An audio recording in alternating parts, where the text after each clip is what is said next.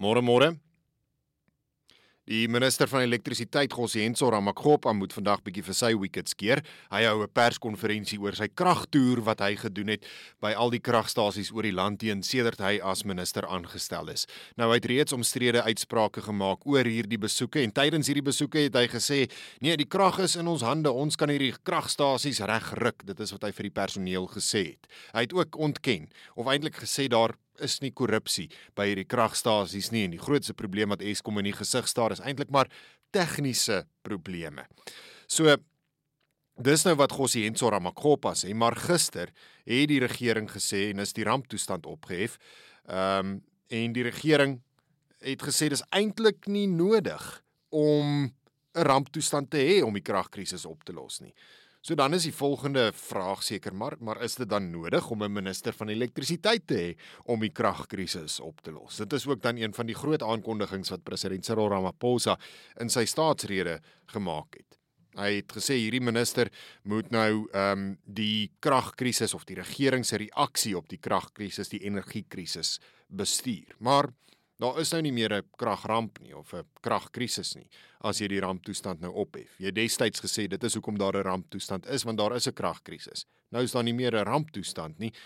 Eh, Mense kan seker maar sê daar's nie meer 'n kragkrisis vanuit die regering se oogpunt nie. So is daar dan nou nog 'n minister van krag of elektrisiteit nodig. Gosiensog Ramakgopa dink ek gaan vandag sê hoekom dit nog nodig is dat hy 'n salaris moet trek uh in sy pos as minister. Uh van die ander goeders wat Ramaphosa nou natuurlik aangekondig het wat tydens die ramptoestand gedoen gaan word is om seker te maak dat daar ondersteuning gebied word aan besighede wat kos moet produseer, wat kos moet vervoer, die sogenaamde koue ketting en dat hy ook uh uh die die uitrol van uh sonkrag uh van kragopwekkers uh na uh, kritieke infrastruktuur. Hier praat hy nou van polisiestasies en hospitale ensovoorts dat dit bespoedig gaan word onder hierdie ramptoestand. Ek ek het nie gehoor dat dit eintlik gebeur het in die afgelope 2 maande wat ons 'n ramptoestand gehad het nie en ek weet nie of Gosienso Ramakgopa 1 ekstra megawatt op die kragnetwerk gevoeg het nie. So die ramptoestand het ons nêrens gebring nie. Dit het niks beteken nie en Gosienso Ramakgopa het nog net besoek afgelê aan al die kragstasies. Dis al wat hy kon reg kry in hierdie tyd. Daar's ehm um, ook uh nou natuurlik nog ehm um, uh groot vrae oor uh presies wat by hierdie ehm um, uh wat tydens hierdie ramptoestand uh natuurlik in munisipaliteite gedoen is en baie mense het vra oor is daar dan nou weer toegang tot geld gekry uh waartoe mense nie toegang moes kry nie want uh, dit is natuurlik van die goed wat hulle tydens die COVID-19 ramptoestand gedoen het, is hulle die uh die verkrygingsprosedures het hulle bespoedig. En jy hoef nie aan sekere tendervereistes te voldoen nie. Daar was uh, sekere vereistes net by die deur uitgegooi. Mense wonder of dit nie ook tydens hierdie kortstondige ramptoestand van 2 maande gebeur het nie. Dan is ook natuurlik diegene wat sê ja, die regering het dit gedoen en sonder enige verduideliking waarom hy eintlik die kragkrisis opgehef het. Hulle sê dit was nie nodig om die kragkrisis of die ramptoestand in te stel nie en dat alles gedoen kan word sonder 'n uh, ramptoestand. Dis wat van die begin af daaroor gesê is en uh, die partye onder meer solidariteit en outa wat die regering hof toegeneem het oor hierdie uh, aankondiging van die ramptoestand en uh die Eh, gevoel is maar dat die regering die ramptoestand opgehef het juis om nog vernedering in die hof vry te spring.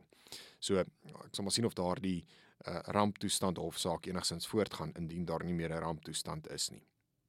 Dan uh nog 'n groot storie is die DA se moonshot pakt wat hy vroeër Sondag aangekondig het tydens sy uh, leierskapskongres en uh, die pakt wat nou die wind van voor kry.